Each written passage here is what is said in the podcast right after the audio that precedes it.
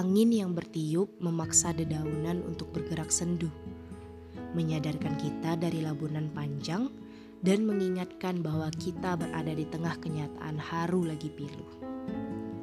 Begitu kerasnya kepahitan atas hidup, mereka yang dinanti tak lagi datang menghampiri, meninggalkan kita seorang diri untuk terus berjuang demi tegaknya diri sendiri. Meski air mata telah deras mengalir, beribu hayalan yang terus diharapi tak juga kunjung mendatangi. Namun satu hal yang pasti, ini adalah sebuah nasihat untuk tak lagi bersedih.